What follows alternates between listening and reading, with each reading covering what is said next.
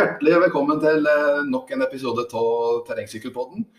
Håper treninga går bra for eh, alle sammen. Vi har eh, passert nyttår og er ute i en av de kalde vintermånedene, januar. Kjenner jeg deg rett, så driver du ute som vanlig, du. Jeg har sett litt på på Stravaen og følge med deg litt, Erlend. Og det ser ikke ut som du lar deg skremme av verken temperatur eller føre. Nei, jeg foretrekker å trene ute fortsatt, ja. Så svifting og det får du drive med. Ja, akkurat på, den, akkurat på det området der så er vi litt ulike. Du er sånn derre um, hardhaus som driver på ute hele tida, mens jeg er den puddingen som uh, sitter inne og svetter i, i en liten shorts på, på, treningsrommet mitt. Ja, Nei, men jeg blir litt misunnelig og skulle gjerne hatt fasiliteter til å kunne tatt en økt ny og ne. Altså. Ja. Det, er jo, det er jo luksus. Ja, jeg syns det er godt. Og så er det godt å ha tilgang til et Jeg har begynt å trene litt styrke igjen, da. Ja. Så eh, vi pratet jo sist du, du, sa at jeg så litt ut som Bolsjunov eh, forrige vinter. um, så jeg vil prøve å komme tilbake dit igjen. Ja, men det skjønner jeg. Det føler jeg at det er bra for syklinga. ja. Det å være litt stor i overkroppen. Ja, og så har vi med oss en gjest i dag som eh, primært ikke er kjent for sykling men som har sykla en god del. Uh, hvis jeg skjønte riktig, så sykler du i det daglige? Litt sånn transport, kanskje? Jeg sykler fra april til november. Godt, jeg. Bor i Oslo og er fra Brumunddal. Så jeg bruker sykkelen som transport. Jeg har sykla Trondheim-Oslo 30 ganger òg, men jeg er ingen syklist. Men jeg syns sykkelen er genial som transportmiddel. og Vanligvis så flyr jeg som trening i Oslo om morgenen ofte, og så sykler jeg to-tre mil nesten hver dag som transport. Og det er ofte med ryggsekk, så da det blir bra trening av det. Men jeg elsker å sykle, og mener at sykkelen er det mest geniale som fins. Jeg elsker å sykle og har gjort det hele livet. Ja, Som transportmiddel så er det jo Det kan nesten ikke måle seg med noe. Nei. Kan ikke du fortelle litt om uh, Trondheim-Oslo-turen du tok i 1991? Ja, det året så drev jeg planta skau sammen med broren min Lars. Vi var skogplanter for Mjøsen. Arva ganske hardt hele våren. Og så hadde vi tenkt året før, for jeg hadde sykla fra 1982 første gang jeg var 16 år. i 1982, og Da tenkte jeg at, um, at nå skal jeg prøve å sykle på en uh, sykkel fra, fra, krigen. Jeg hadde fått tak i hver vår sykkel fra krigen. Min het uh, Balder, og Lars sin het Solid, var kjøpt på Hamar. Så vi hadde altså to sykler fra krigen med ett gir, eller ingen gir i det hele tatt. Som vi tenkte å bruke det året der. Det var et slags veddemål, og vi skulle prøve å komme under et døgn. Og uh, så hadde vi en test, for vi drev og planta skau, som jeg sa. Og når du planter skau, så, så, blir det ganske god, god, form. Og vi trente faktisk ikke noe sykling, men skulle sykle til Oslo, for da bodde besteforeldrene våre i Oslo. Så hadde vi en tur vi sykla fra Brumunddal til Oslo på litt under fem timer. Eh, og da var det 14 mil ca. Skjønte at her, var, her gikk det an å sykle greit. I hvert fall så var det på noen treningstur med noen kamerater som sykla på racer, og så dro jeg fra dem på, på den gamle sykkelen, for jeg fikk jo ekstra krefter da. Men iallfall så dro vi til Trondheim, og, og, målet var å komme under et døgn. Vi hadde ikke noe følgebil. Eh, jeg sykla nikkers og joggesko og starta med to flasker med vann fra Trondheim og seks brødskiver. Og det gikk bra. det er Lars, broren min, som er ett år yngre. Jeg er født i 65, han er født i 66, så da var vi 25 og 24 år. Og det gikk bra. Vi, vi, vi gikk overraskende bra. Men vi gikk tom for væske oppe i Gudbrandsdalen, og det året så regna det jævlig ut, så vi måtte kjøre med åpen munn. Så vi kjørte med åpen munn i Gudbrandsdalen for å få en væske. Eh, gikk tom for brødskiver, og broren min Lars han sprakk som søren ned i Øyer, og der la han seg ned på asfalten. Så du dro han bort til et hus, og så lånte han en telefon, og så ringte han til mutter'n, så hun kom og henta han. Så han, han, han, hun kom og henta han og kjørte han til Brumunddal. Der la han seg ned for å, i Brumunddal for å sove, og så kjørte hun han tilbake til samme plass. Så han starta på samme plassen. Eh, eller det var Øyer eller det var Stange. Eh, I hvert fall, Den kjørte hele distansen, men han var hjemme og sov i Brumunddal. Jeg kom til Lillehammer og hadde ikke stoppa fra Trondheim. Hadde kjørt sammenhengende fra Trondheim til, til, Lillehammer. Hadde ikke hatt væske siden Dombås, men hadde drukket, men fått igjen væske gjennom å eh, åpne munnen og tom for brødskiver. Og da lå jeg i et ganske bra felt på Lillehammer. Jeg måtte stoppe, og da mista jeg feltet. Så det var jo jævlig dumt, da. Men Eh, jeg måtte stoppe opp på Russhøgda, for da var det matstasjon på Russhøgda. Der var uh, mutter'n og der var uh, ja, kjentfolk, så det var veldig artig det. Og kom i mål på 1941 på den sykkelen i 1991. Og da det feltet som jeg hang med i, på Lillehammer, hadde jeg klart å henge med, så hadde jeg kjørt på 1857. Men ja, jeg måtte ha, jeg måtte altså ha mat. Altså, jeg hadde ikke kjangs til å kjøre videre. Og Det var, eh, det var ikke så hardt som du skulle tro, men det var veldig fint å kjøre det året. Og det året så kjørte vi gamleveien fra, Trond, fra Hamar over Stange. Så det var litt lenger. Vi kjørte ikke nye E6-en, vi kjørte gamle E6-en over Stangen til Tange. Stangen til Tangen, også langs Mjøsa der. Så jeg tror kanskje jeg hadde kjørt litt fortere hvis jeg hadde kjørt den, men det var veldig artig. Og jeg gjorde det samme året etterpå, faktisk. Ja, Med samme sykkel? Samme sykkel, men da kjørte broren min med vanlig racer. Det året så, så, var det veldig motvind, og det viste seg at sykkelen Det var et eller annet gærent med sykkelen, så de gikk innpå eh, baki, så det, jeg hadde problemer med sykkelen. Og det var jævlig kaldt på Hjerken, så måtte holde på å fryse på der. Så kom jeg ned til Russhøgda, og, og så sovna jeg på sykkelen. Eh, kjørte av veien, eh, brakk to ribben og datt ned en skråning på Russhøgda. Og det var 30 mann som kom bak som så den. Ingen hjalp meg, så klart. Sånn er det mannfolk er greie sånn. Jeg klarte å stabbe meg opp igjen, visste ikke at ribbeina var knekt, men kom i mål, sykla videre, og det var vondt. Altså sykla i mål med to brekte ribben. Da brukte jeg noen og 20 timer, for det var veldig motvind det året der. Og da eh, hadde jeg en jobb på et lager, egentlig. Jeg jobba på et lager Eh, men jeg klarte ikke å ha kroppsarbeid da. Eller den jobben var faktisk, den hadde jeg ikke det året. Men jeg klarte ikke å gjøre det fysisk på 18 dager, husker jeg, for jeg hadde to brekte ribben. Det var jævlig vondt. Men da gikk jeg barbent i skogen og var mye i sola for å helbrede kroppen i 92. Eh, det var en litt spesiell opplevelse. Ja, det var Begge de gangene var med den eh, sykkelen fra krigen? Krigen, ja, som het Balder, lagd på Hamar.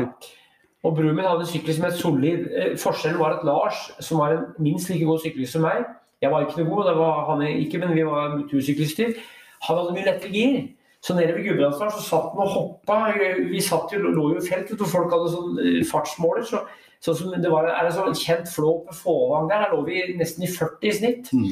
Vi lå og rullerte der. Eh, eller ikke rullerte, men lå et lite felt der, Peloton.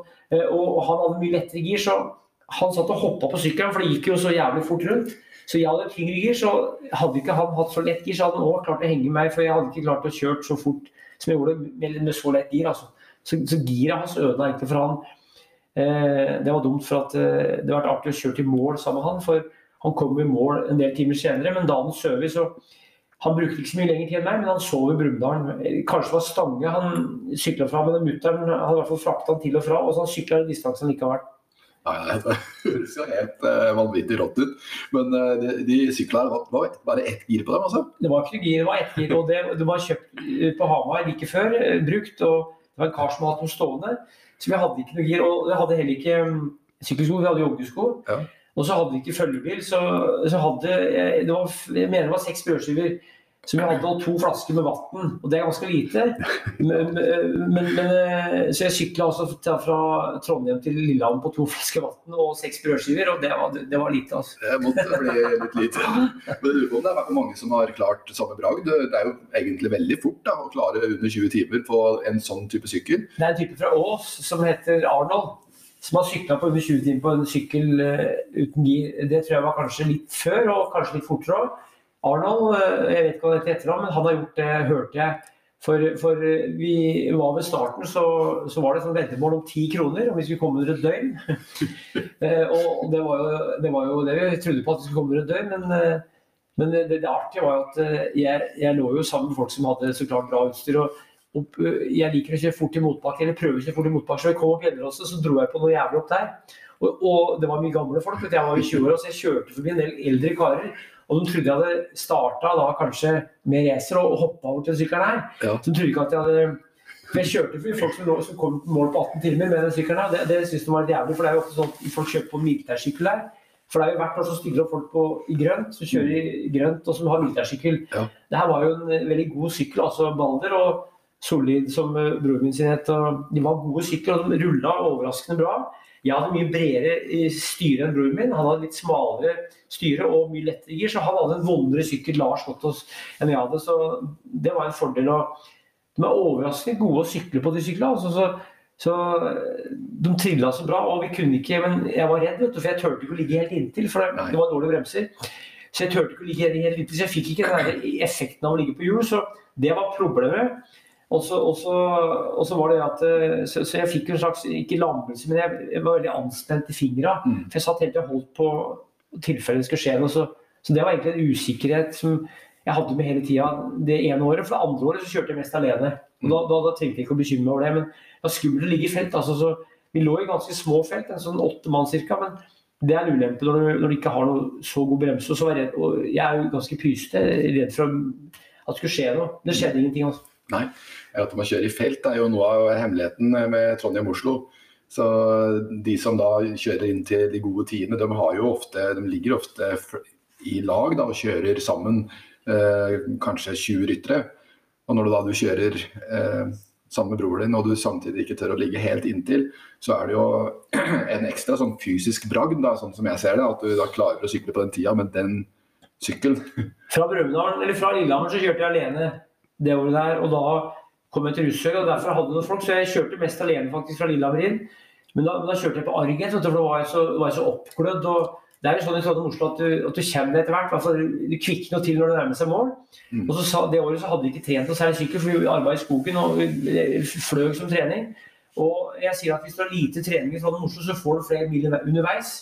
Hvis du har 500 mil på forhånd, så er 50 mil det er, bare, det er 10% av det du har. Men hvis du har 10 mil på forhånd, så er jo 40 mil fire ganger så mye som du har på forhånd. Så du får mm. trening underveis, du blir sterk underveis. Ja, ja. Så jeg, sånn har jeg tenkt sånn Oslo, at jeg har hatt lite trening, spesifikk sykkeltrening, men at jeg har brukt sykkel som transport, og det er jo bra trening. så det er ikke, ikke å si at jeg ikke har trent, men at jeg ikke, for det tar så mye tid å trene mot sykkel. for jeg har ofte mye, mye å gjøre på våren, og, men hvis du sykler et par mellom dagen i transport, så er det jo bra trening. Ja, og flyging er bra trening, og styrketrening, og, og skogplanting, som jeg driver med i mange år på våren. Mm. For da står du bøyd ute i skogen og jobber, jobber en fem-seks timer hardt, så får du også seighet i huet og i kroppen som, som, går å ta med seg i et sånt langt sykkelritt. Mm, absolutt. Ja. Så, nei, jeg sjøl jobber litt i skogen med planting, og det er egentlig god trening. Jobber litt med en Per Arne i bakken. Ja, han er harding, han. han er harding. Ja. Så, men eh, tilbake til Trondheim-Oslo. Du har jo sykla det Trondheim-Oslo noen ganger, har du ikke det? 30 ganger, og Farmen begynte å sykle i 1968. Det første rittet var i 1967. Og onkelen til Farmen, en som het Ragnar Nilsen, han ble 101 år. Eh, han gikk på ski sist han var 99 år, 11 måneder og 3 uker. Og da klager kjerringa på at han ikke sagt det. Men han fylte, april, fylte 100 år i slutten av april 2017. Han var med i 67, og Farmen var med i 68. Og da tror jeg fatter'n kom på andreplass i turklassa. Han sykla på en sånn sykkel med flatt styre. Han var eh, student fram til 67 og hadde sykla til og fra der han bodde på, på universitetet. Så han sykla fire mil om dagen. Fatter'n hele studiet i Oslo. Så han var bra trent som sykkel som transport. Så, så fatter'n eh, sykla fra Oslo. Vi bodde i Brumunddal fra 71, først i Elverum fra 67 til 71. og Da vi bodde i Brumunddal, så var det matstasjon i Brumunddal fra Oslo, så vi så fatter'n sykle der. og Et år så husker jeg at uh, han var meldt savna, ingen som visste hvor han var hen. Men nå hadde sett den passere natta, så vi kjørte ut med mutter'n, og, og, da så vi fatter'n uh, vi lette etter fatter'n, og ingen visste hvor han var. Men så kom vi ned på Espa, så så vi noe som så vi en sykkel som lå slengt i grøfta. Så lå det en kar med nikkers, for han kjørte nikkers til året der. Så lå det en kar, og da måtte vi mate med jordbær. husker Vi ga han én en jordbær. Han var helt Forfatteren han åt veldig fort og hadde en tendens til å få vondt i magen, så han spydde ofte. Så ett år så husker jeg vi møtte han oppe i Gudlandsdalen. Og så stoppa han i mål, og så spydde han ferdig der. Så sykla han til Brumunddal, og så lata som han var i god form, for han var jo lege i Brumunddal. Det var mange passettere som møtte opp på matstasjonen. Og så sykla han videre. Så, vi, så, jeg vokste opp med at far, far min sykla fra Oslo i 82. Da fylte jeg 17 år. For du kan sykle over i fyller 17 år, så da, da, da, var jeg med første gang. Og da sykla jeg som en fatter'n. Vi sykla til Elverum, faktisk, fra Brumunddal. Og da kjørte han av i Vang. Så han datt over sykkelen og slo seg. Jeg fikk hjernerystelse, så han kunne ikke være med. Det var i 82. Så det første året sykla var jeg 16 og kjørte sammen med Jon Kristiansen. Og da starta vi på kvelden. For da var det start på fredag kveld. Eh, I, eller ettermiddag var det, ikke ettermiddag, men kvelden. Eh, det var, det var sånn i tre-fire-tida, kanskje fem-tida. Og da fikk vi natta ned i Gudbrandsdalen. Helt jævlig. Så jeg husker at det var det, det, det hardeste jeg har vært med på som 16-åring da. Og kom i mål i Oslo. Kjørte på noen og 20 timer, for jeg har ikke kjørt fort. Jeg har kjørt på 1808, det er fortest, men jeg har ikke prøvd å kjøre så fort. Men kom i mål i Oslo, og så skulle vi overnatte bilen. Fatter hadde den 16. Og så skulle vi sove bak i bilen, og så da hadde jeg lagt meg bak i bilen. Og så tok eh, han slengte igjen eh, døra, og så tok han opp eh, døra for å si noe mer, men da hadde jeg sovna og kollapsa helt. Husker ingenting etter det. Og da måtte jeg opereres, for jeg hadde, hadde blitt sparka ned i fotballkamp fem år før. Så jeg måtte opereres, for da kneet det gikk til helvete. Jeg fikk en sånn kneplage, så jeg måtte faktisk opereres første gang etter første Trondheim Oslo. For det var en gammel fotballskade som ble slått opp igjen etter at jeg sykla Trondheim Oslo. Yes. Så det var, det var, det var 1977. Jeg ble sparka ned for jeg runda keeperen og skårte mål, men keeperen sparka meg ned. Han hadde sånne metallklotter og sparka meg da i en kamp i oktober 1977, så ble jeg slått opp av skaden i 1982. Det var veldig spesielt. Og da husker jeg, Det var i 82, var jeg på Hamar sykehus, og da brukte han kirurgen brukte hammer og meisel. For det hadde vokst en sånn kul på kneet. Så brukte han hammer og meisel, men så hadde han funnet en kul til. Så tok han én kul overfor kneet og én nedenfor kneet, og det visste jeg ikke før etter operasjonen. Så, så, for å lege skaden så måtte jeg sitte sånn at jeg ble strakbent. Så måtte jeg bryte opp den skaden. Det var helt jævlig. Så jeg hadde det vokste sammen kneet, og så måtte jeg bryte opp dette kneet for å få det til å virke. Og da, etter at jeg hadde gjort det, så dro jeg broren på sykkeltur i Danmark. Vi var, på sykkel, vi var 16 og 15 år, og på sykkeltur i Danmark. Og da var vi på pornofilm i Århus. Eh, for da var det pornofilm. Vi dro på pornofilm på dagtid. Men vi gikk etter fem minutter, for det var så jævlig kjedelig. Det var bare sånn folk som lå hekka. Det var, det, var, det var, en voldelig pornofilm. Forfilmen var bra, det var fra Romerike, men det var en voldelig pornofilm. Og da var jeg på sykkel i Danmark etter at jeg hadde vært operert for den skaden som oppsto under Trondheim-Oslo. Ja, Så du brukte den, altså den turen til Danmark på en måte litt som sånn eh, rehabilitering av kneet? da? Ja, også det var at jeg hadde jo ganske vondt i, vondt i beinet. og hadde vondt for å gå, faktisk. Men jeg klarte å sykle, så jeg hadde med krykker. Så vi hadde med to krykker som backup, og vi sykla rundt i Kjøben eh, med hver vår krykke. For da, hvis vi stoppa på rødt lys, så sa de å bruke krykka som støtte. så, vi, så vi var i København, Danmark, på sykkeltur med hver vår krykke. Det var jævlig artig. Så sykkeltur har jeg vært på flere ganger. og det er ingenting som er så herlig å sykle som om sommeren. Jeg, var jo lærer gymlærer i mange år på Helpa gymnas i Oslo. Og da var vi på sykkel i København, eller i Fredrikshavn hvert eneste år i, i, flere år. Og det var helt suverent å dra til Danmark på sykkel. Det var i slutten av mai, begynnelsen av juni. Helt magisk. Eh, det er en frihet som er, som er helt her, herlig. og Da dro, dro, vi til Fredrikshavn, og så sykla vi rundt der og var på Skagen. og Det er skikkelig artig. Sykkeltur. Ja, fader. Ja. Vi skulle gjort det en gang. Vi skal jo til Danmark eh, i, i april, skal vi ikke det? Ja, det er jo det som er målsettinga, hvis det blir eh, tillatt. Det er veldig fine sånne terrengritt tidlig på våren i Danmark, både i Aalborg og ja, hva heter vi skulle på nå? Det var et nytt ritt, det. Ja, eh, Roldskov. Roldskov var et vanskelig ja. navn. ja. Men eh, har du lest om det rittet? Er det teknisk vanskelig, eller er det sånn at vi skal kunne klare det? Det som er i Danmark, er at det er ikke veldig teknisk vanskelig. Men det kan være litt sånn by-urbane elementer. At du skal ned en trapp f.eks. Og litt sånn som du ikke møter på norske terrengritt. da. Mm. Absolutt. Mm. Ja, vi kjørte jo, som han, som han eh, Tor prater på, så dette med å ligge ordentlig på hjul med folk, det er ikke alltid så lett. Eh, vi kjørte jo parklasse i Transøsterdalen. Og da drev jo du hele tida og skulle ha meg nærmere. vet du, og Vi kjørte jo på en sånn sti. Og når du, når du kjører på en steinete sti og, du, og du, det rister og dumper, og du ser egentlig bare bakdekket til den som ligger foran, du ser ikke hva som møter deg foran den personen, da er det ikke lett å skulle ligge helt på hjul for å spare vind. altså. Så, men jeg tror du var litt småirritert for ikke jeg lå nærme nok. Du drev altså liksom vinke og liksom daske på skinka di og sa at jeg skulle komme. Jeg, jeg er fysete, jeg er ikke noen syklist. Jeg, jeg, jeg er redd. Da jeg har kjørt av stikk på sykkel den 26.8.1991, så skulle jeg trille 50 meter på en sykkel. Jeg bodde i Oslo som student. Mm. Satt på sykkelen som et kvinnfolk sitter på, som, med, som jeg hadde skjørt på kroppen. Bare satt som sidelengs. Skulle jeg hoppe av, og så datt jeg, og så slo jeg bakhuet. Fikk brudd på hjerneskallen, og da de kom og fant meg, så var det en dame som fant meg. Da lå jeg under en busk, da hadde jeg krøpet under busken. og det går bra, så jeg slapp av. Men hun ringte til sykehuset, og da sykebilen kom, så var hjertet slutta å slå. Så jeg fikk elektrosjokk. Våkna opp på Ullevål sykehus, da trodde jeg var død. For det var natta, og så lå så på kirkegården tenkte jeg nå er jeg død, tenkte jeg. Så vi åpne kirkegården, for det ligger rett ved kirkegården. Og så kom fatter'n og så at jeg var i live. Og det var da eh, maksimalt mulig, for jeg skulle bare trygle 50 meter på Sørbyen der jeg bodde. Det var faktisk på den dagen Jessica Diggins ble født. Så hvis jeg treffer hun, så skal jeg si at I died the day you were born. skal jeg si. og hun syns jeg er en artig dame, så hun er altså født den dagen jeg holdt på å stryke med. Ja. Så før det var jeg heller ikke noe tøff, men etter det så har jeg blitt reservert for når du får brudd på hjerneskallen og kraftig hjerne, så mm. nesten hadde jeg holdt på å brekke nakken eller få noe whiplash òg. For det var maksimalt uheldig eh, når det først skjedde. Mm. Men samtidig heldig som overlevde.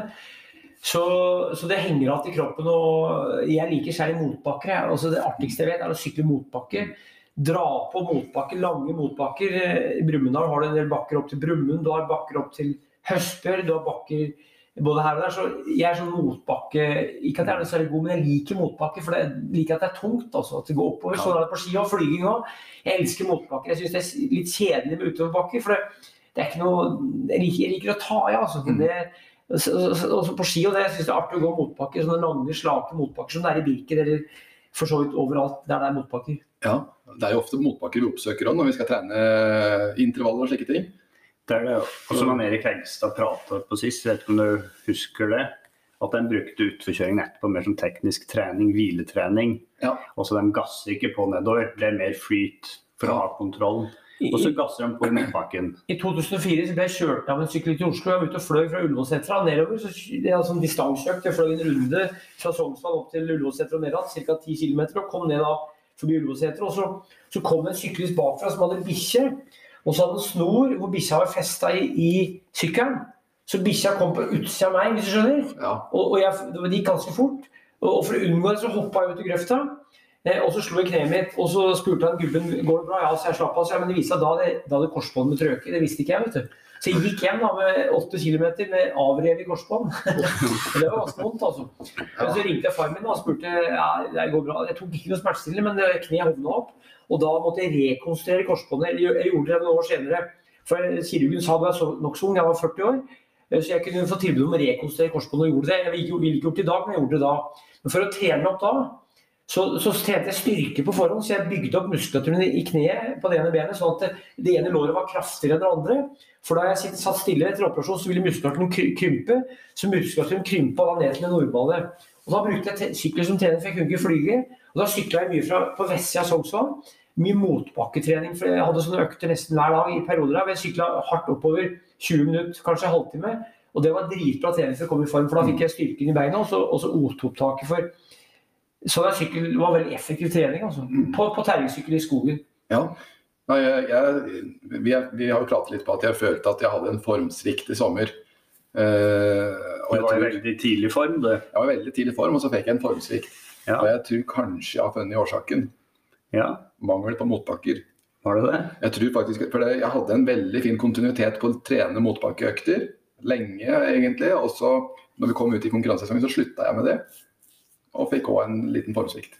Ja, det er godt Tror du ikke det kan være en, en eh, brukbar hypotese? Jo da, for det, du, tidlig i sesongen, husker ikke når du var, så sto du på toppen av Digeråsen og var jo helt konge. Ja, jeg var i form da, altså. Ja, og så ble det egentlig i dårligere og dårligere form, kanskje. Ja, da. Ja, jeg ble det så lenger, jo mer vi konkurrerte, jo dårligere form ble jeg. Ja. Så det var merkelig. Men eh, vi får rett og slett bare oppsøke mer motbakker, tenker jeg. Fortsette med den kontinuiteten på motbakketrening. Noe helt annet, Jeg bodde i USA da jeg var 17 år, i 1982, og der sykla jeg på skolen. Da sto det artikler i avisa om nordmann som sykla på skolen. Og det var en by som het Burlington som var like der jeg bodde. Jeg bodde i Colchester, Mont, Og det var én person som sykla på arbeid. Ja. Altså én person. Det var en by på størrelse med det var kanskje 40 000-50 000, og da var det én kar som sykla på arbeid. Så den ene personen som sykla på arbeid, han ble jeg godt kjent med. For det var ingen som sykla. Og eh, jeg tror på en skole med ja, la oss si det var eh, 1000 elever, så det var ikke ti stykker som sykla på skolen. Altså, for alle fikk jo da buss. Selv noen som bodde kanskje fire meter unna skolen, kjørte buss. Så det, var, det fantes ikke sykkelkultur.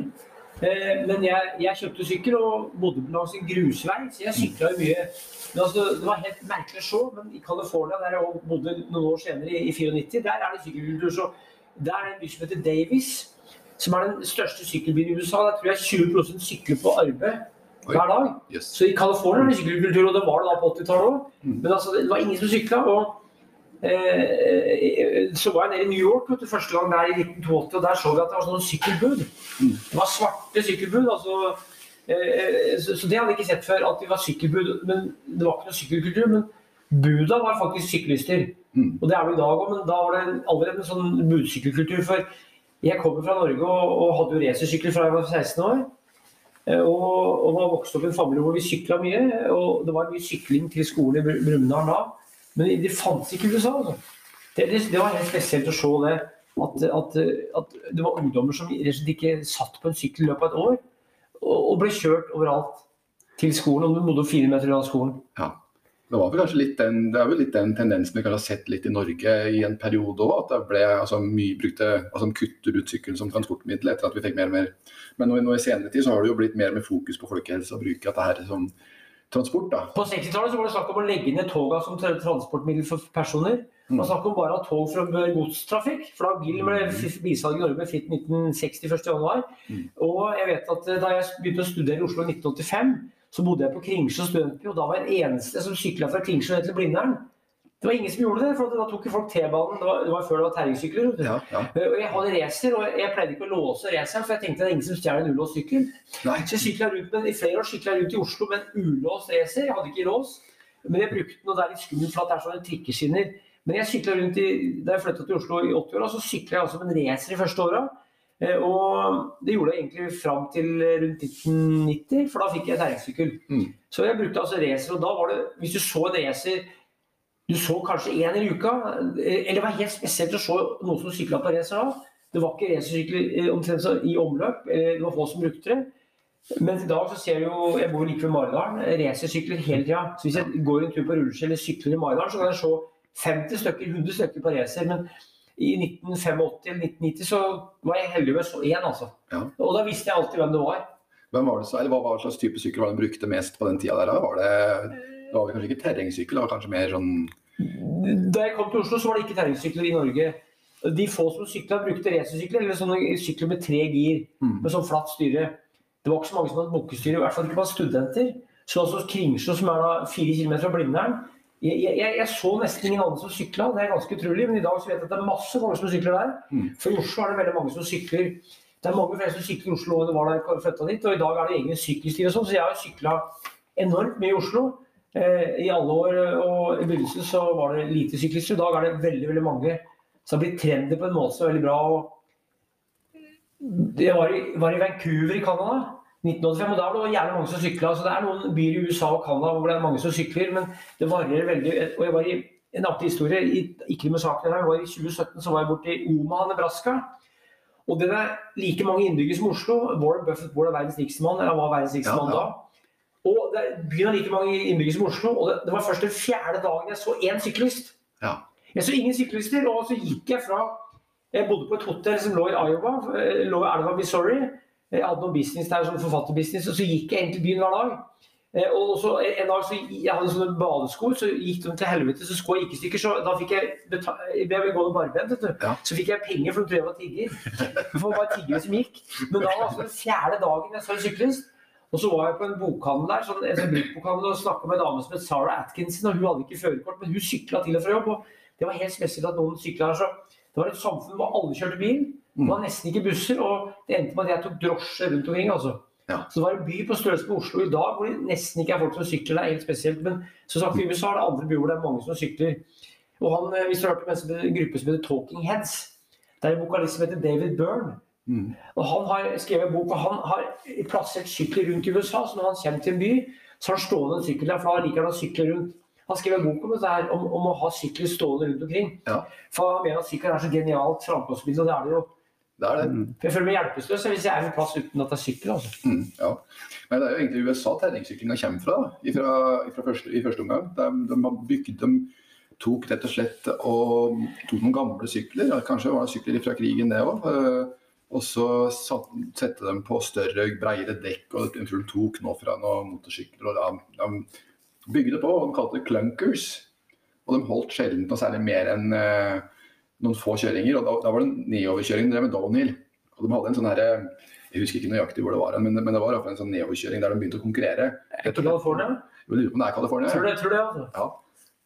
Og eh, ganske tøff nedoverkjøring. Altså, sykla, dem, eh, de sykla de begynte å kjøre på, de, de ble jo ødelagt bare etter noen få turer. Men så begynte de å bygge, og det ble på en måte mer og mer sånn terrengsykler da, som, vi, som vi kjenner i dag.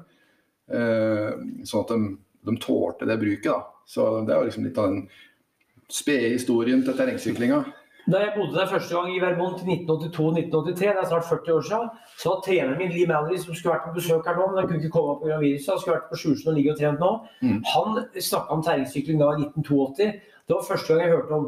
Han, han hadde fått tak i en sånn sykkel, for han, han hadde kontakter ute i vest, ute i Utah, ute i California, der, Arizona. Så jeg, jeg- mener at han hadde en sånn sykkel, og det var snakk om det da.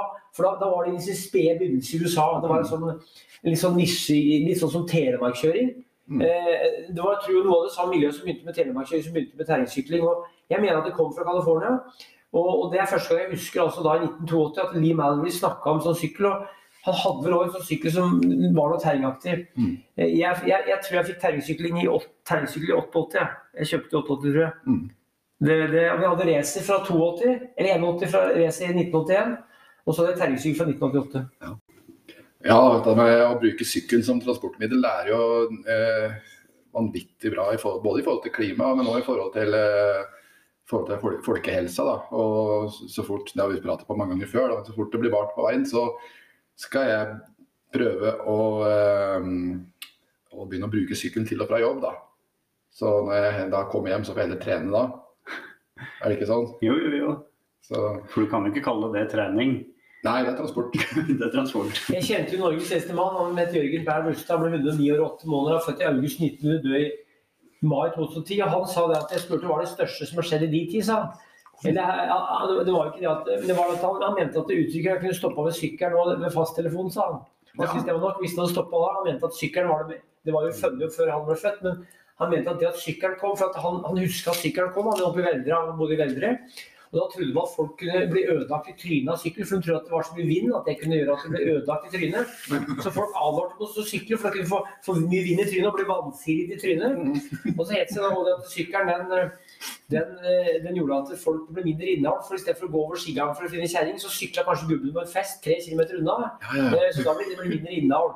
Og I tillegg så vet vi da at eh, på 30-tallet så het det at hvis du fikk jobb på en fabrikk og en en sykkel, så, så var du sikra for livet. Altså det å, det å kjøpe en sykkel kunne koste en månedslønn. altså tenk på Det Det gjør det i dag for, for så vidt òg. Kanskje Nei, nei, mer. Jeg vet at en, en, en arbeider på, på 30-tallet kunne en gardsarbeider kunne bruke faktisk et, en halv årslønn på en sykkel. Ja. For det var kosta noen hundre kroner, og arbeidet arbeider på en gard tjente kanskje 50 kroner måneden. Så det kostet halv årslønn for å kjøpe sykkel, og da var de jævlig nøye på å ta vare på sykkelen. Ja, ja. Så sykkelen var en helligdom. Og den kom da, som sagt, den kom, kom på slutten av 1800-tallet, begynnelsen av 1900-tallet. Og, og, og, da, og da, da var det et nytt samfunn som oppsto fordi sykkelen kom. Og, mange sykla jo på skirenn, f.eks. Hadde spente fast hoppskia på sykkelen og sykla på skirenn. Mm. Og jeg har til og med hørt om en trysler som sykla til Oslo eh, fra Trysil og var med på et, eh, med på et 5000 meter løp. Han sykla, som, sykla som faen til Bislett og rakk akkurat starten. Og så fløy han 5000 meter på Bislett og sykla tilbake. Det har jeg hørt om. Så det var noen sånne typer, og, og de brukte sykkelen som transportmiddel. Og da, da gjorde sykkelen at det utvida radiusen. For bilen kom jo ganske tidlig, men folk hadde ikke råd til å kjøpe bil, men hadde råd til å kjøpe sykkel. Mm. Så sykkel hadde enorm betydning som transportmiddel i Norge. Fram mot 60-tallet, for da begynte folk å kjøre bil. Mm. Og, og nå er det tilbake til mye av det samme. Stadig flere som sykler nå, tror jeg. Eh, mens det er jo flere som kjører òg, fordi det er mange flere biler i samfunnet. Men hvis du går da i perioden fra 1900 og utover fram mot eh, krigen og litt etter krigen fram til 60, så, så var det enormt mange som sykla Norge som transport. Og det var vanlig. Det var herresykkel og damesykkel og barnesykkel. Forskjellige sånne typer. Ikke terrengsykkel som først kom på, altså på 80-tallet. Nei, i forhold til å bruke Det er, det er jo det med også utbygging av sykkeltraseer òg. Sånn som, det er jo bygd en sykkeltrasé fra, fra Sørosen til Elverum som går via gamle Trysilveien. Og så er det lagd noen stier i tillegg. da.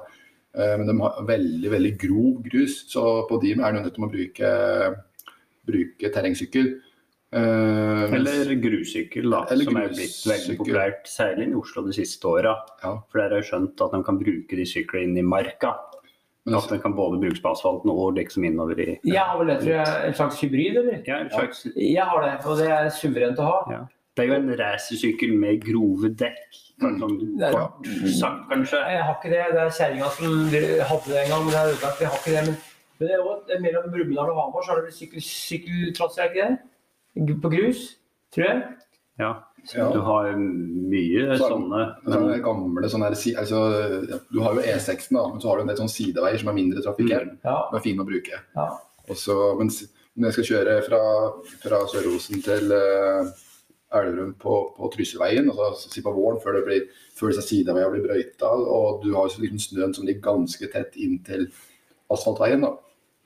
Så må jeg si at jeg er jo jeg, må, jeg er jo glad jeg, Nå har jeg fått sånn sykkelradar som, eh, som eh, av, av kona mi fikk jeg i julegave. Så den, den er jo bakpå den sida når det kommer bil bak. Så, men det er jo en trafikkert vei der biler de kommer stort sett i Det er jo 80-sone. Men de kommer stort sett i 90-100, tenker jeg. går ganske fort. Så jeg blir jo en ganske mjuk trafikant, da, får en si. Ja, det blir det. Men jeg må si det var interessant å høre Thor sa det med det prisen på sykkel i 1930-åra. Mm. Eh, For man hører jo veldig mye kritikk i dag hvor dyre sykler har blitt. Men jeg vil jo nesten si at de beste sykler i dag, det koster jo ikke en halv årslønn. Nei, nei, nei. Og jeg vet ikke hvordan holdbarheten er nå kontra før, da. Men, eh, Men de gjerne syklene som ble kjøpt på 30-tallet, de var veldig solide for sykler. Det var det ene. Det var, folk var veldig opptatt av å ta vare på en sykkel, så du kunne ha en sykkel i 20-30-40 år. Mm. Eh, Og det var sånn at det var sykkelreparatører i hver eneste bygd og hver by. Og, og det å reparere sykkelen det var like viktig som eh, ikke som å gå på dass, altså, men folk var nøye med I et samfunn med lite materiell overflod så, og fattigdom, så er folk nøye med det de har. Og sykkelen kunne gå i arv. Og den sykkelen jeg kjøpte i 1991, var da fra 1940 ca. Den var 50 år gammel. Ja. Og den var jo dritfin. Den hadde stått på et, i et uthus noen år og gjort i stand, men sykler ble lagd fra vare. Eh, Og de hadde òg garanti, tror jeg. Det var jo masse norske sykkelfabrikker. Og butikkene monterte sykler og fikk da tilsendt deler fra fabrikken. Og så var det sånne, sånne lokale merker. Det var eget merke i Brumunddal der, der jeg var. Jeg vokste opp. Det var noe som het Torgerangen hadde et merke. Eh, og så var det på Hamar, så jeg tror, jeg tror på Elverum at det var egne merker. Lillehammer hadde jo sykkelfabrikk. eh, Helleberg sykkelfabrikk. Peter Helleberg han var fra Gausdal, hadde sykkelfabrikk. Eh, Skifabrikk og sportsbutikk på Lillehammer. Så det, var masse sykkelfabrikker og produsenter i i området her. Så det var noe som ble lagd i Norge. Altså, og eh, jeg husker Da jeg vokste opp, så het det at all dritten kom fra Asia. Eller rælet kom fra Asia. sånn kinavarer. Mm. For det var ikke noe solid. Det ble billig og kjapt lagd. Så det var kjent for å være kvalitet, det som er lagd her. I, så i mange år så var, var vi sjølforsynt med sykkel i Norge, tror jeg.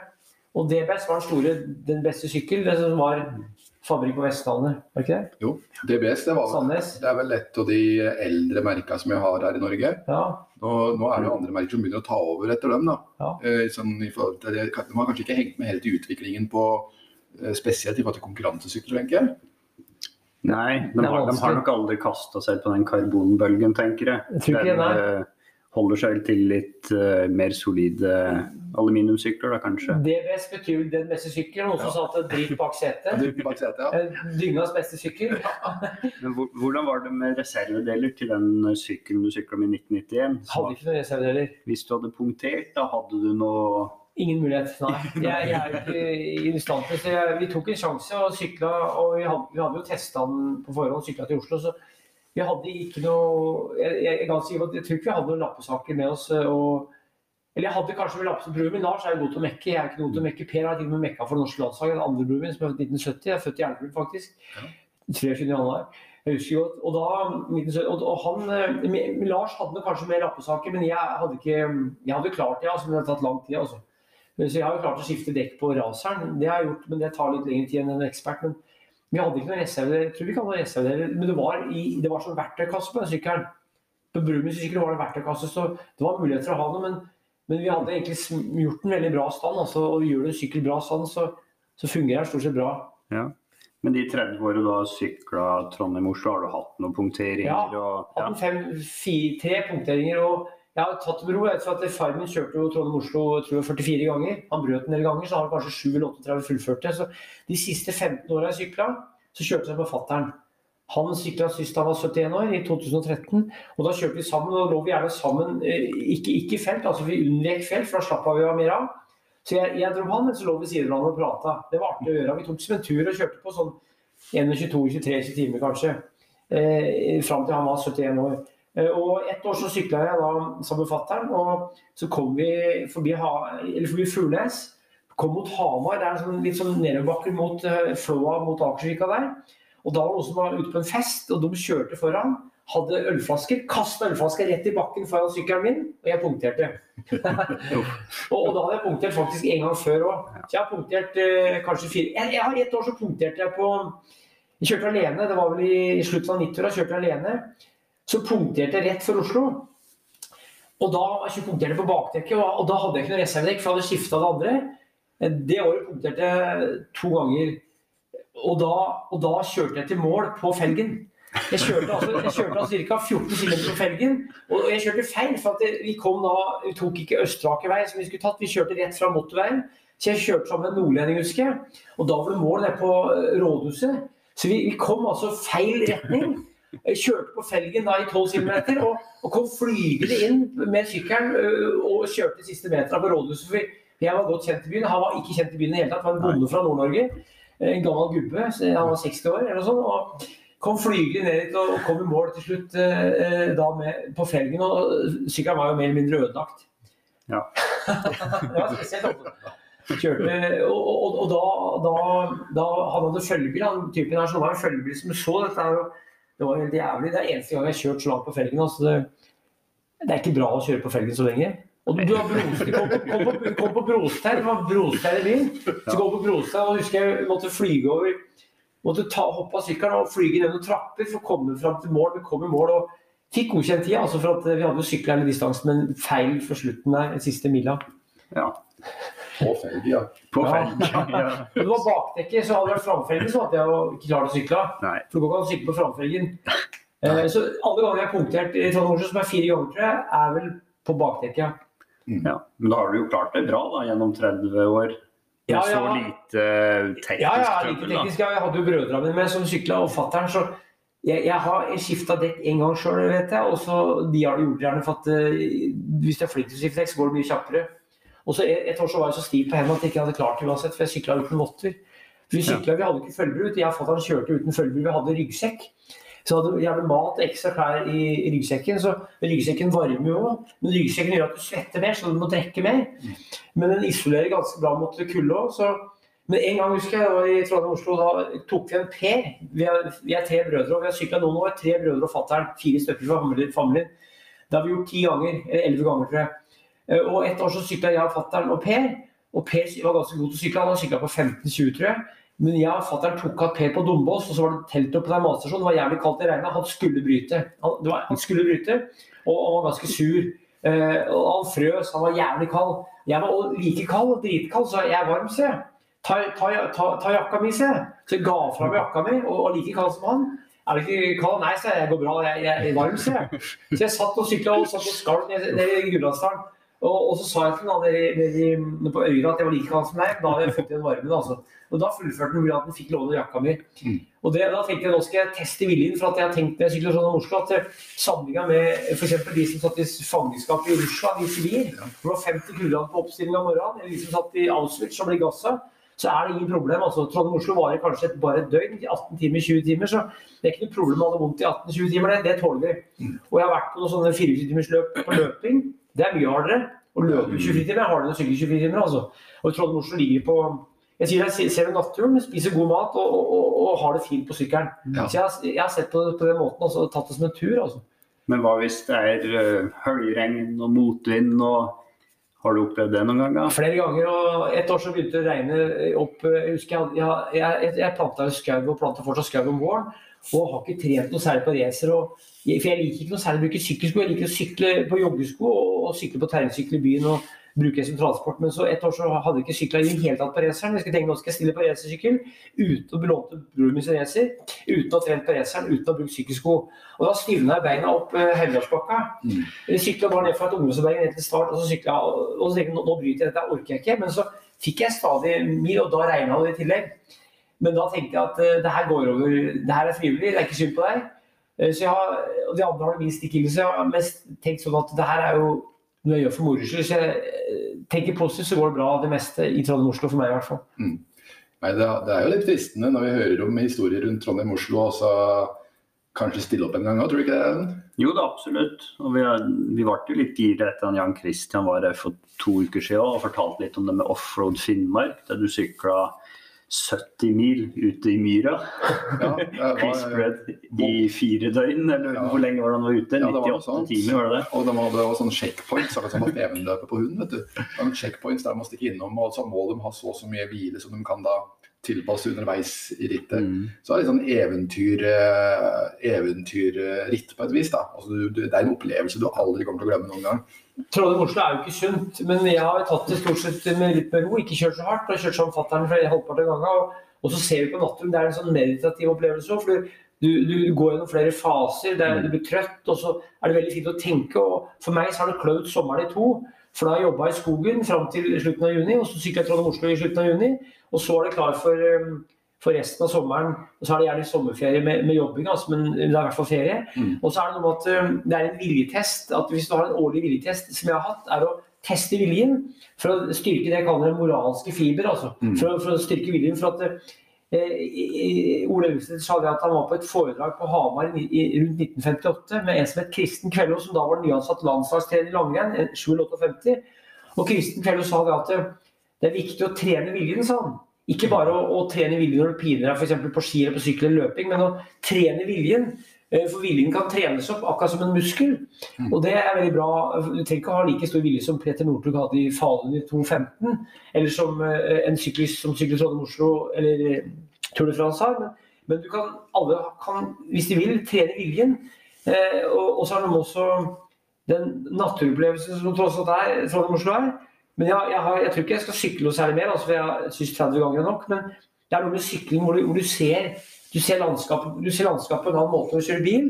Og så ser du landskapet på en annen måte når du går. Eh, Men sykkel er en måte å se landskapet og landet på. Og, og være i naturen. Og når du sykler hele døgnet, så, så får du sett sommernatta på en fin måte. Altså, det er noe med å være ute om sommeren. og Det er magisk på en måte. synes jeg. Når er starten, egentlig? Det har vært flere ganger forskjellig. Vi har starta en gang om natta, det var helt forferdelig. Ja. Eh, eller om kvelden. Jeg starta på ettermiddagen, jeg starta på morgenen. Så jeg syns det er best å starte om morgenen, for da kommer mål enten på kvelden eller litt til på morgenen.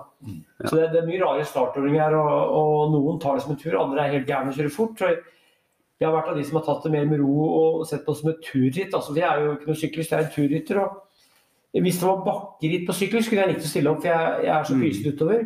Han, øh, han øh, onkelen min, han var jo kamerat med en som het Jan Erik Gustavsen, som har vært på Ulrik til 68 og 72. God syklist. Og onkel Per han har masse historier. Han var med og kjørte følgebil nede i Frankrike på 70-tallet. Han fortalte at øh, han, en av de brødrene Foglum, som vant, Johansson, vant jo Italia rundt, tror jeg. Så- Fire brødre som er fra Foglum i Sverige, heter Johansson. Ja, han ene vant uh, Giro Italia, jeg mener det var 68. De ble i hvert fall, det vant lagtempo, mener jeg, mener jeg i OL. Og, og han sa at han kjørte nedover i eh, Tour de France et år. Og da satt han og var livredd. Han holdt på å stryke med rensel ned bakke i 80-90 km i timen. Så, så, så, så, så, så, så kom Eddie Merck og satt og spiste kyllingvinger. han satt og åt der. han- Så det, det, det der å sykle utover er noe som de gode syklistene de, de er gode til å sykle utover og ikke bare oppover. Mm. Det er en sport som er det er en fa og da, Ingen hadde hjelm da. Nå har de tross alt hjelm. Mm. Så, så det er en sport som, eh, som, som er veldig det, det er en spesiell sport som de, de beste er tøffinger på mange måter. Altså. De er det, altså. Ja. De, de sykler jo med de, de, de kan jo brekke fingrer og ribbein og kragebein og, og få ganske stygge skaler. og du ser jo så Draktene de ser fulle av blod. Men uh, de gir seg ikke, altså. De bare fortsetter. Jeg hørte at Jostein Milman uh, kjørte i Østerrike rundt, og jeg tror at han kjørte og jeg lurer på om det kommer en ambulanse, og han enten satt i ambulansen eller lå i ambulansen, og da skulle han tilbake på sykkelen. Ja. Så, så, så hisser jeg den på sykkelen, altså. Det, det blir sånn der instinkt med å sykle fortest mulig. og jeg mener det var en kar som heter Sverre Ekås, eh, det må nesten fortelle selv, han er fra nede i Kongsvinger, han var en god syklist, har vunnet Trondheim-Oslo. Han hadde vært med et ritt bort til Øst- Øst-Tyskland, tror jeg, og jeg lurer på om sykkelen om han punkterte og kom i mål tror jeg, på en militærsykkel som han tok av publikum. Ja. Så men jeg må nesten si selv, altså, men De gamle syklistene har masse historier om sånne ting hvor, hvor de viser hvor, hvor dedikert de er for, for å komme de, de er helt tullinger. altså. Og når du sykler, vet du, så Den gangen jeg kjørte av på sykkel og brakk to ribbein, så, så, så, så, så merka jeg ikke noe særlig smerte før jeg kom i mål, for det, du har adrenalin vet du, som pumper. Mm. Så det, det, det demper jo smerte. Mm. Ja. Nei, nei, jeg skulle bare si det med motbakkeritt, da, som du prater på. Så, så er det et motbakkeritt i Norge som jeg har deltatt på en, ja, kanskje tre-fire ganger. Vi sitter jo med sånne Solan-kopper her, ja, drikker kaffe. På Arendal har de jo hatt et sykkelritt som starter ved Aukrustsenteret. Og, og hvor du går i mål på um, toppen av Tronfjellet. Jeg husker ikke akkurat hvor mange høydemeter over havet, men det er en vanvittig ja, ja, er en vanvittig stigning opp der, hvor du nesten føler at du, må, du klorer deg oppover skråningene. Men det er et av de artigste ritta som finnes. Den følelsen når du står på toppen der, særlig da det er fint vær, da, selvsagt så du har litt utsikt, Mm. Nei, det, er- det er artig, altså. Trondfjellet, det er jo, det er jo digert. da. Ikke kommer- 16 meter eller sånn? da? Jo, Jeg tror faktisk for det når du kommer Ja. kjørende der, så Ja. det ligger sånn Tynset og slik, og nedover mot Alvdal, det ligger jo ganske høyt det òg. Men når du da ser Tronfjellet ligger der, så, Mm. så er det jo det gedigent, altså. Jeg tror Alvor var på litt over 500 eller sånn Ja. Ja. Så det, hvis det er på 1600, så er det 1000 meter stigning. Og det var vel et lite Pellestad, vet jeg. Det er helt sikkert mange bakker hit. Altså, jeg har ikke, jeg har ikke oversikt over det. Men Opp Trysilfjellet var det Ja, ja, ja. et ritt. for det, det er jo mange motbakkeløp på beina. Så det er rart mm. det ikke har blitt så mange sykkelritt, syns jeg, i motbakke. Det, men for det det, ja. Jeg tror det er fint å kunne hatt masse deltakere hvis man hadde gjort litt mer ut og reklamert litt, sånn som det Solan Gundersen styrkeprøve, da, som det rittet der heter. Du må nesten kjenne noen som er der, for da skulle du vite om at det finnes det rittet. For det er sånn 20 deltakere. Men er det da på racer? Det, det, er med, altså det er jo alt fra asfalt til grusvei, Mm. så du må jo ha en sykkel som eh, det er litt grep på, i hvert fall. Er det valgfritt, det? Hva du bruker opp der? Det er nok mest for terrengsykler, tror jeg. Ja. Men jeg, jeg tror nesten det ville vært umulig med en annen. Ja, det kan godt hende. Jeg har aldri sykla der, men eh, 20% stigning på det verste. ja. På løs grus, og det er uh... Jeg har hørt, jeg har hørt at Bjørn der de sykla opp der med, sykkel, med sånn tung sekk på ryggen. jeg har hørt mm, fra trener. Den- Jeg hørte at han fylte opp en ryggsekk med mange kilo på ryggen og drev med motbakketrening på sykkel. Og Bill Cock, hvis du husker han skiløperen fra USA som begynte å skøyte, han, han, eh, han hang jo bak eh, Han gikk på rulleski, og så hadde han kjerringa som hang bak på sykkel i motbakke. Så Ja. han drev med styrketrening da med å gå på rulleski med kjerringa som hang på sykkelen uten å sykle, altså uten å trå. Ja. Så det var jævlig bra styrketrening. Så han både motbakke og litt sånn slak motbakke og bratt motbakke, faktisk. Så han brukte sykkel som Og han sto og tråkka. Han, han, han, han, han, fløy ikke, han, sto og tråkka. For at det, all treninga hans skjedde, skjedde på sykkel mot langrenn. Han sto da og tråkka. Han satt aldri for å mente at ved å stå og tråkke, så fikk en bedre trening mot langrenn. For det ligna på fraspark og ligna på den måten du sto på i skiløypa. Ja. Ganske, sp- ganske Ja.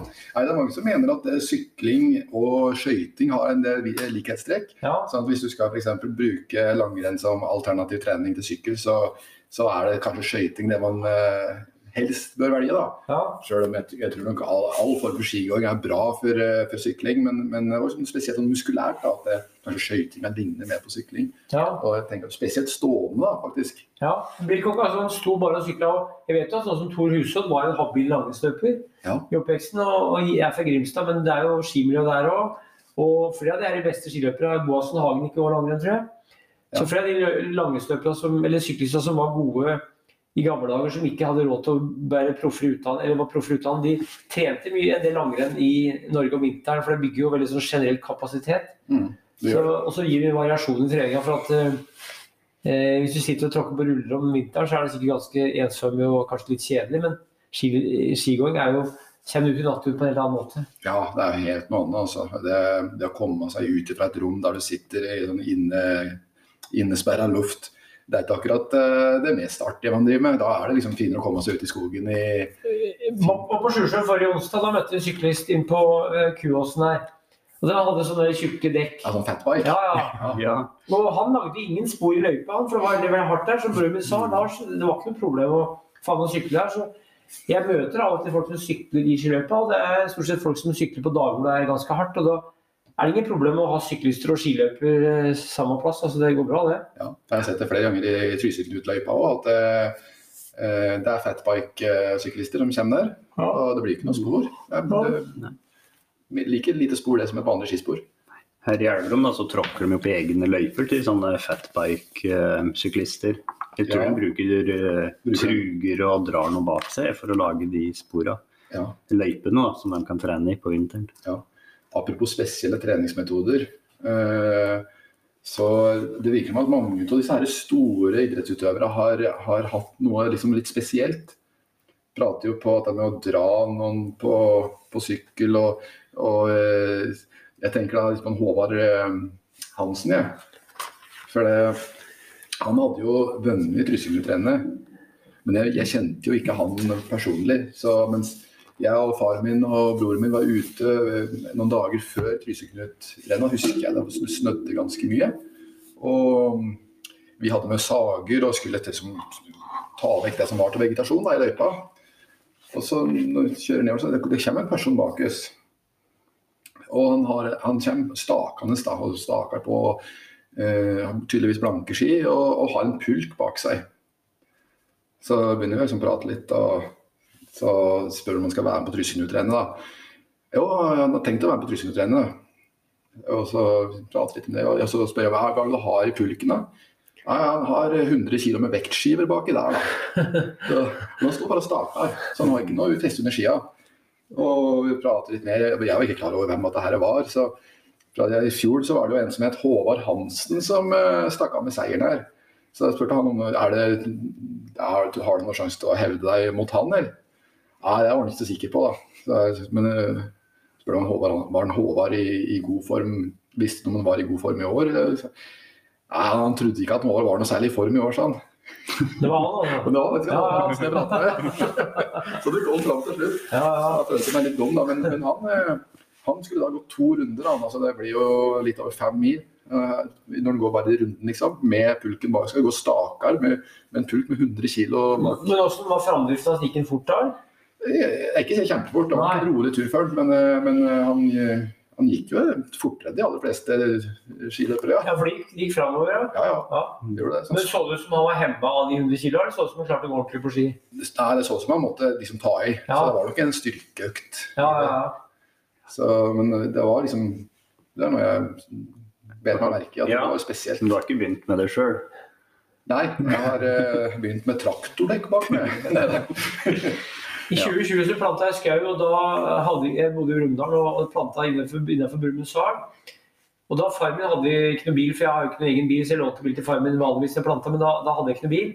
Og da måtte jeg sykle Det var ikke mer enn 25 km, men det tok det tok en time og et kvarter å sykle inn til feltet ja. om morgenen. Det var fint, for da fikk jeg eh, sykle om morgenen, og så planta jeg fem-seks timer, og så sykla jeg da ned igjen. Da var det lettere å sykle ned igjen. Men en time og et kvarter sykla med sånn passe hard sykling. Det, det, var, det, var, veldig fin trening. Altså, for det, det, er ikke så langt, men allikevel langt nok til at du får brukt kroppen.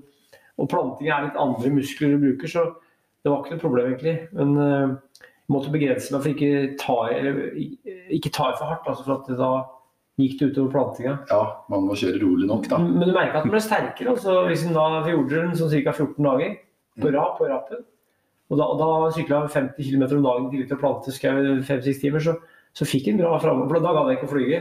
Nei. Men da, da, var det ganske sånn form, formstyrkende, og så veldig bra for viljen. Ja, jeg tror, jeg tror dette med sånn, å bruke sykkel som transportmiddel det er med på å styrke vilja. Ja, ja.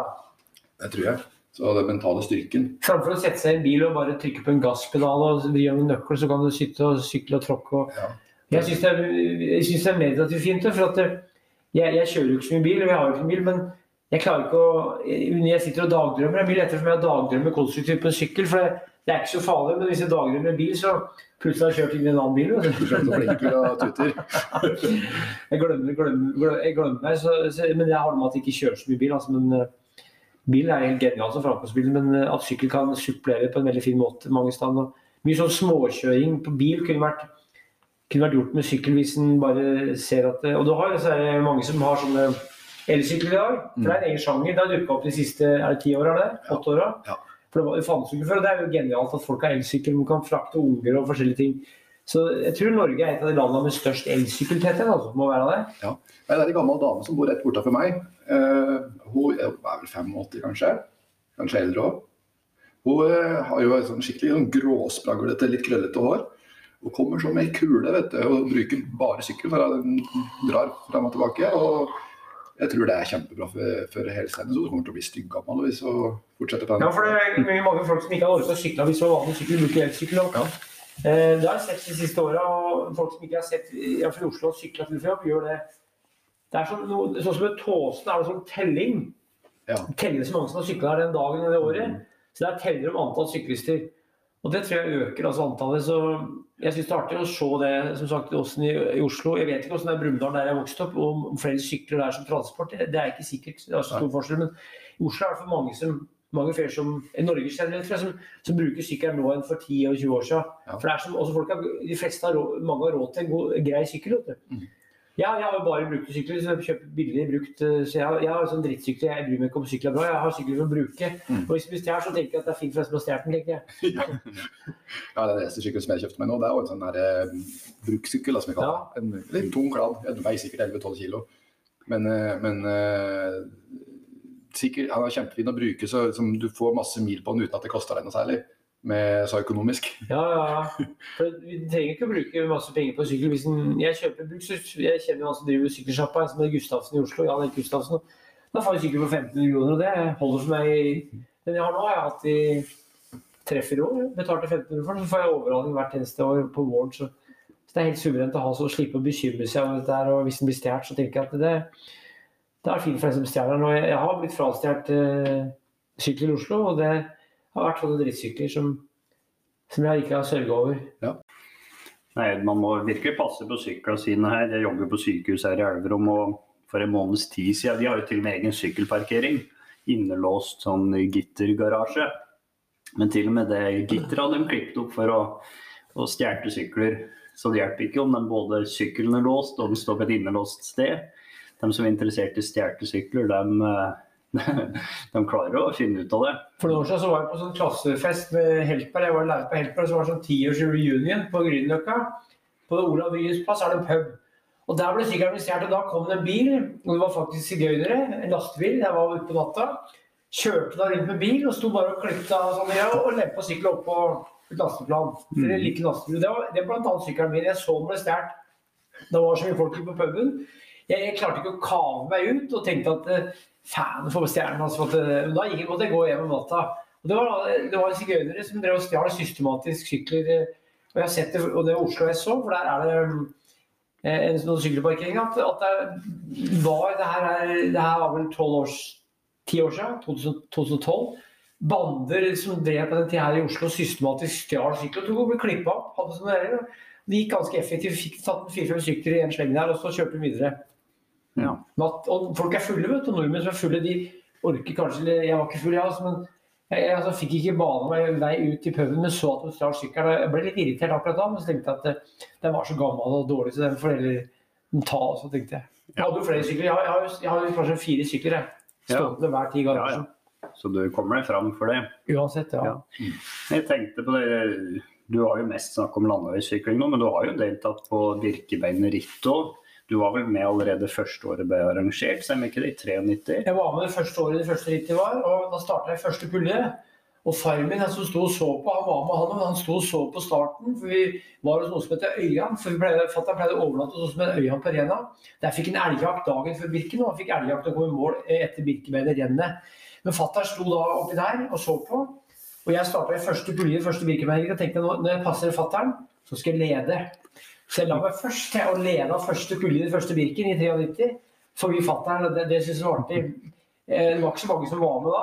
Så gikk det et opp i bakken der, og da lå jeg, jeg lå faktisk på, jeg lå på fjerdeplass etter et par mil. Men jeg tapte utover, for jeg, jeg, jeg pyse altså i skogen og utover. Men jeg var med de første åra, så var jeg med til et år så måtte jeg bryte pga. at sykkelen gir røk ned i Åsdalen. Og da var det ikke noe mulighet for å få hjelp, så da tenkte jeg nå gidder jeg ikke å sykle mer. Og da hadde jeg blitt kjørt ned et par ganger. For jeg er som sagt ganske sånn stiv og redd etter en ulykke i 1991. Så, så jeg, jeg, jeg er en pyse. Altså, jeg har sykla kanskje fem-seks ganger eller noe sånt, tror jeg. Eller, jeg, jeg er ikke sikker, men sju-åtte ganger kanskje. Ja. Eh, fra, fra begynnelsen altså, til jeg brøt. Og da brøt jeg rekka og tenkte at nå er jeg ikke med mer. Nei. Men jeg, og så har jeg sett på en god del ganger. Jeg har stått og sett på en god del ganger òg. Det syns jeg er artig å se på. Ja. Men uh, husker du beste plassering, sånn cirka, liksom, da du ledet året? Da ble du Jeg vet faktisk ikke hvilken plassering jeg hadde, og jeg har gått Birken på ski 23 ganger og vet ikke hva jeg har som pers. Nei. Jeg er helt uinteressert i mine egne tider og plasseringer. Jeg vet at jeg har blitt nummer 15 på ski en gang i, i langrenn, men jeg vet ikke hvilken plassering jeg har i, i, i sykkel. Men det var ikke så mange som i første år, det var ikke så bra uh, konkurranse. Og ett år så stilte jeg eliten, faktisk, det andre året. Så jeg og broren Lars var med i eliten, han slo meg, men da sykla jeg faktisk eliteklasse i Birken. Jeg mener det var det andre året, altså 94.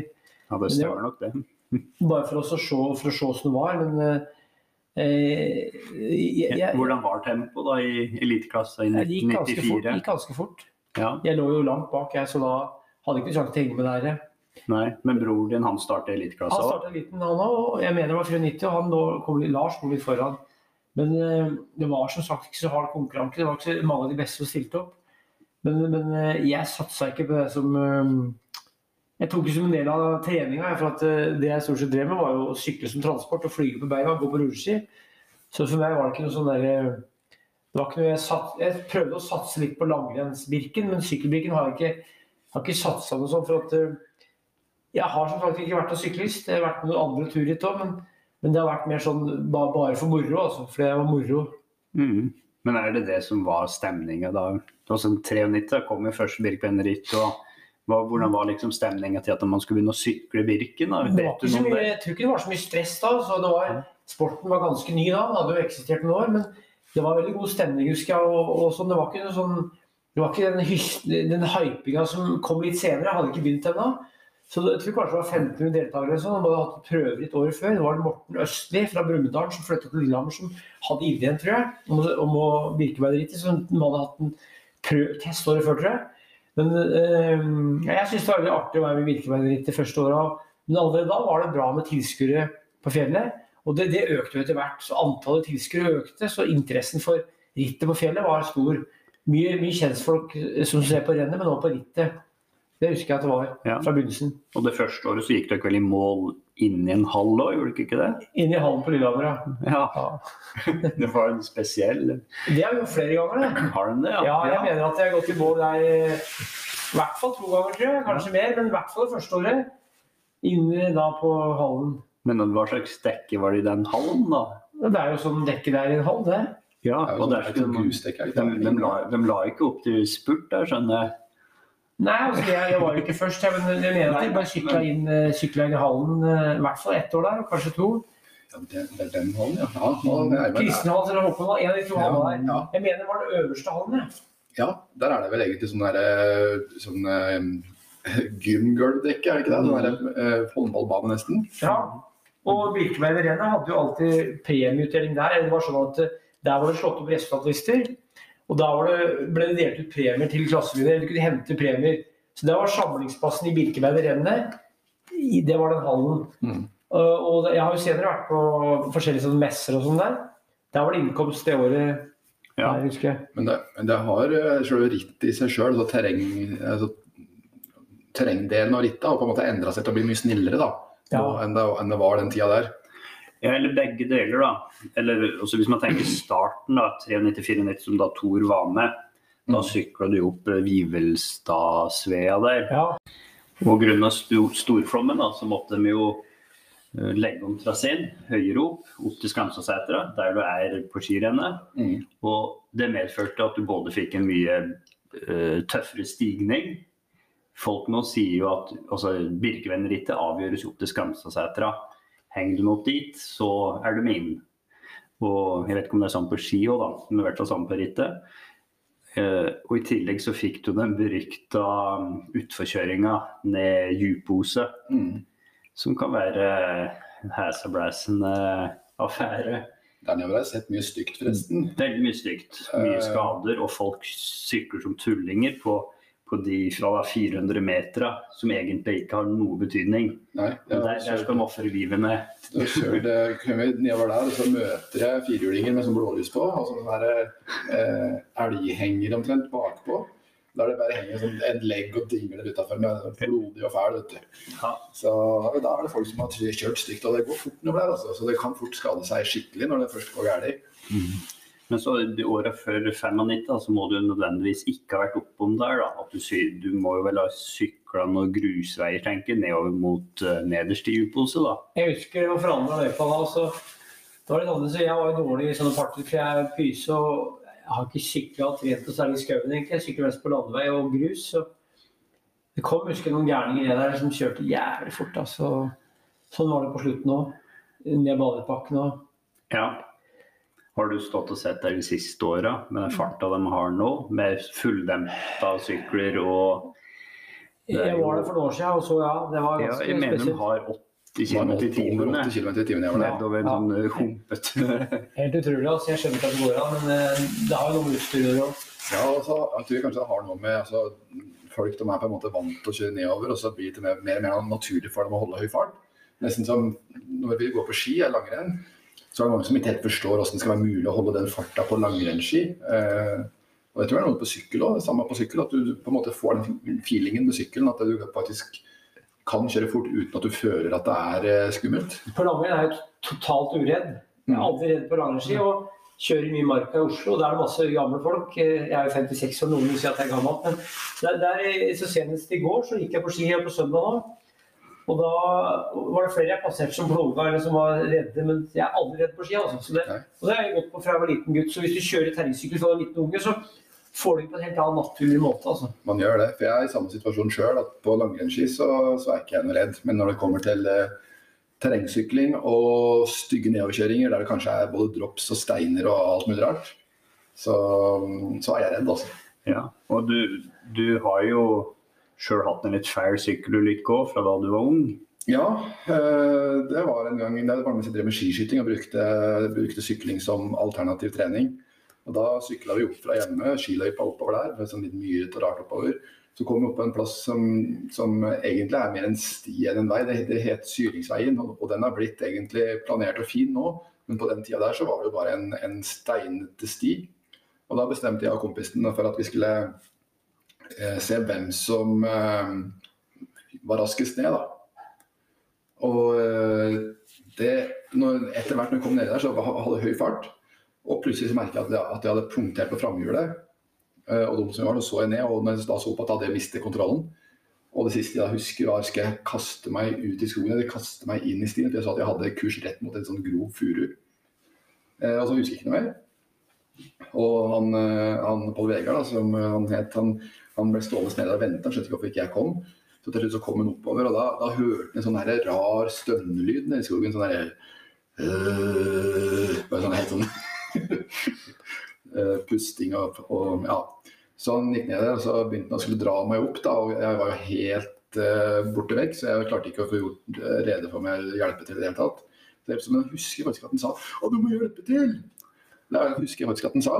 Og når jeg klarer å krabbe meg opp, for det var ganske bratt ned på nedsida av stien der, når jeg klarer å krabbe meg opp på stien, eh, da husker, da husker jeg egentlig ingenting fra hvorfor jeg egentlig er der. Husker ingenting fra dagen før eller noen ting.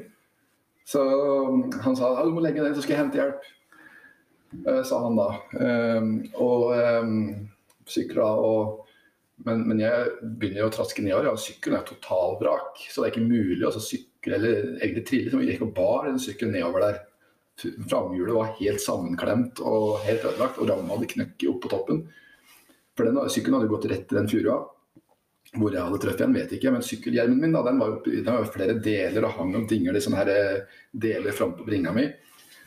Og eh, så øh, Ja jeg går nedover, og så hører jeg etter hvert denne her dieselbilen og fatter'n kommer på altfor høyt turtall oppover da, og stopper og bommen nedpå der, så rusler jeg ned dit.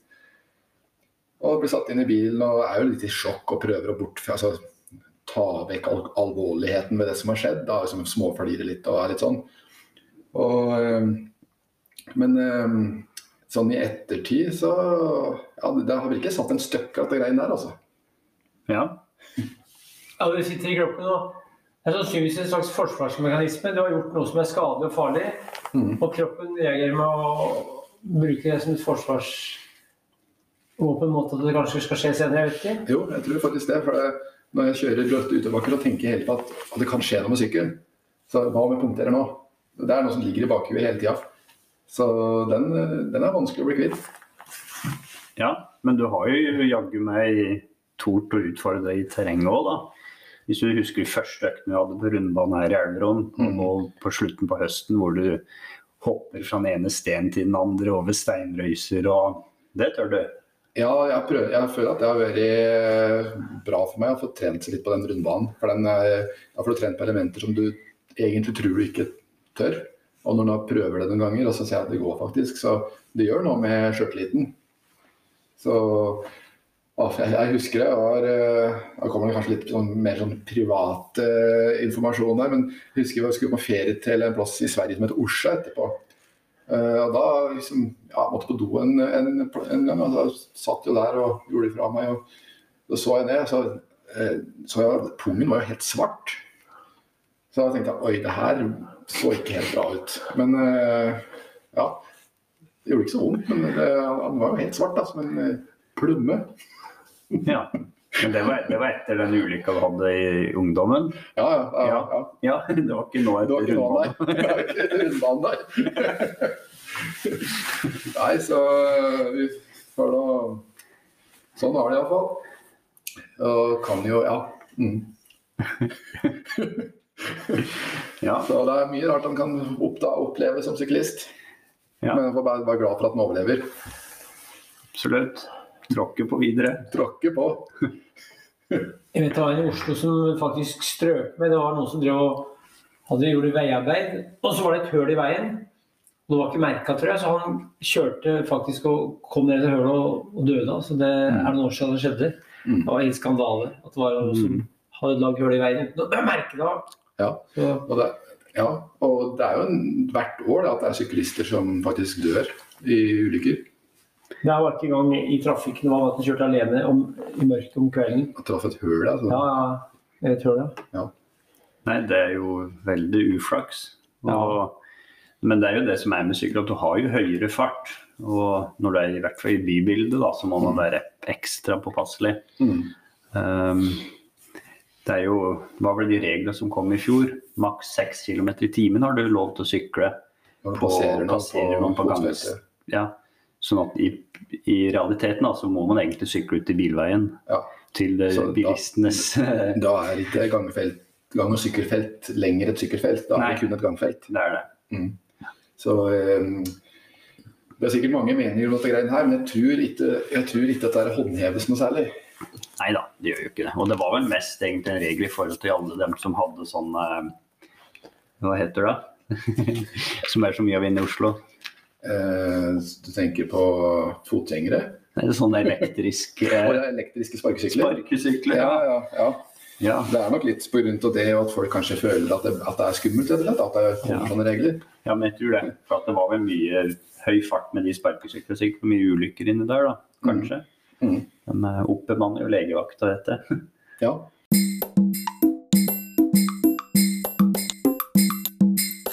Nei, jeg syns det var eh, utrolig gøy å høre på alt han Tor eh, hadde å fortelle om. Og eh, han sa jo i utgangspunktet at han egentlig ikke var noen syklist. Men eh, når vi likevel hører at han har, han har sykla Trondheim-Oslo 30 ganger, og han har syklet på under 20 timer på en ettgirs militærsykkel. Og han sykler stort sett hver eneste dag, eh, ja, kanskje flere ganger om dagen òg. Så jeg vil jo absolutt påstå at han, han er jo en syklist, han òg, syns du ikke det? er det? Ja, han sa dette flere ganger at han ikke var noen syklist, men jeg vil i hvert fall si at sykling er en stor del av livet hans. Eh, både i fortid og i nåtid. da. Han, eh, ja.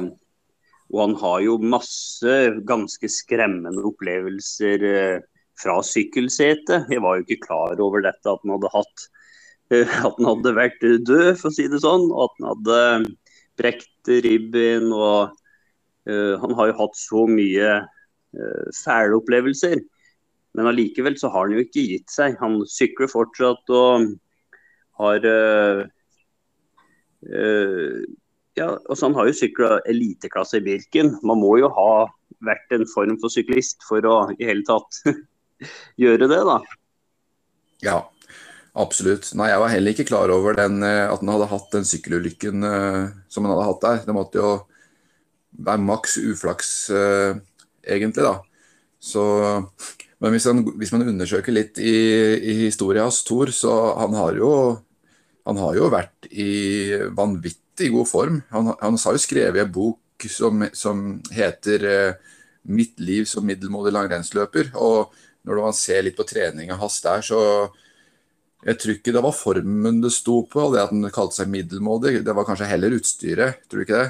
Det var eh, Det er nok sikkert mye utstyret og, og sikkert litt innstilling, da kanskje, hvordan man uh, ser på ting. Så, så, i den boka 'Mitt liv som middels langrennsløper' så får, får, han jo virkelig fram skiaspektet av livet hans. Så, så, var det artig å høre om uh, hvor stor eh, del av livet hans uh, sykkelen har vært òg, han, han, kunne jaggu med mye historie òg. Og jeg tror vel han, far og altså brødrene hans har over 100 starter da, til sammen i Trondheim-Oslo.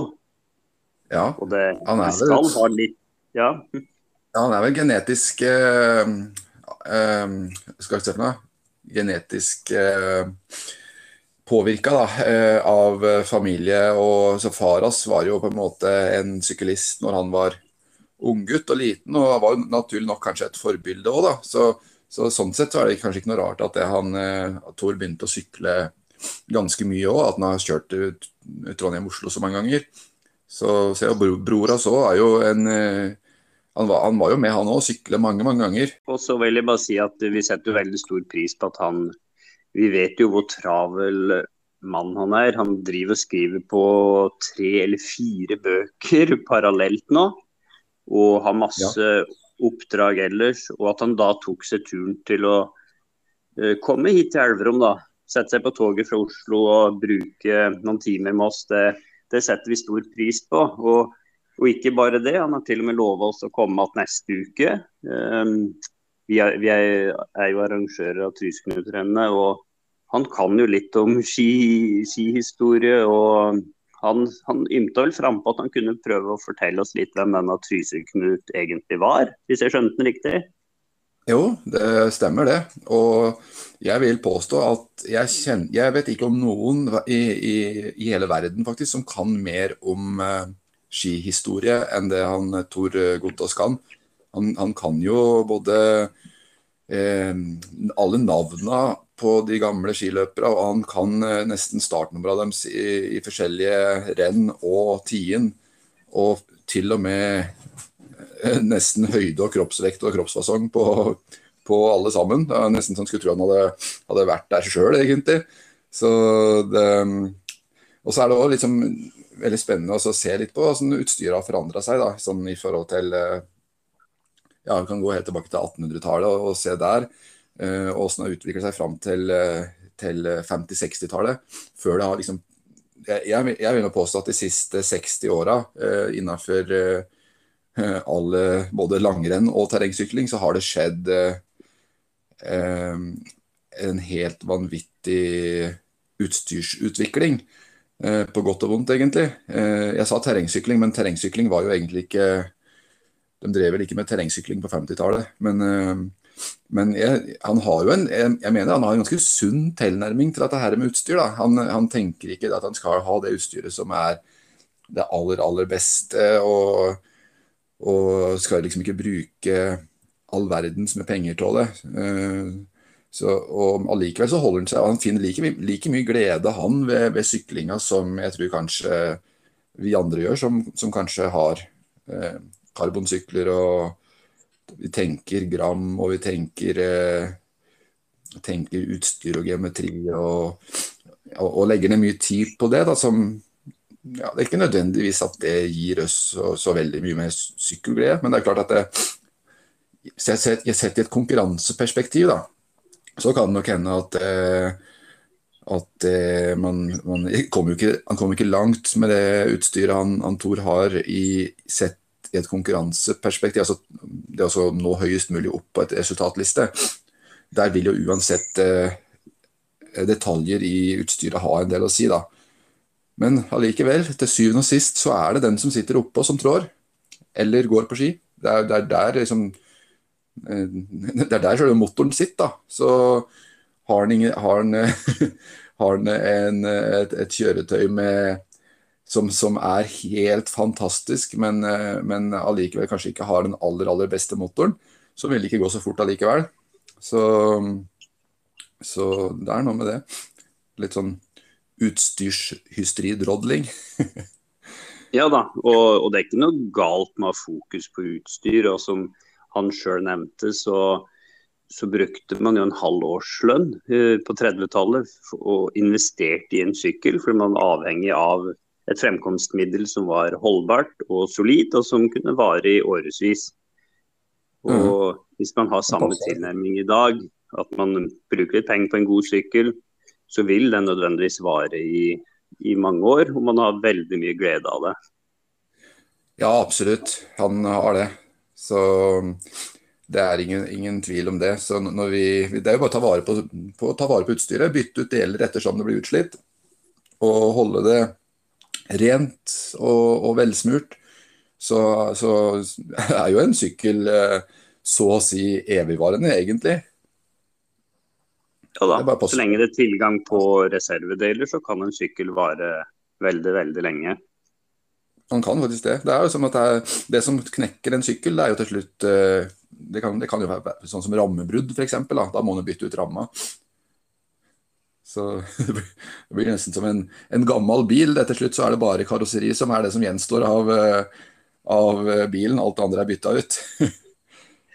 ja, men uh, som sagt, da får vi runde av. Og så får vi bare si at vi håper at uh, folk har kost seg med denne episoden. Og så får vi et nytt gjensyn med Tor Gotas neste uke òg, men da blir det litt mer, litt litt mer fokus på ski. Jeg, men vi vet jo at mange lyttere våre er jo, er jo på skia titt ofte på vinteren, så det, det, det får de tåle.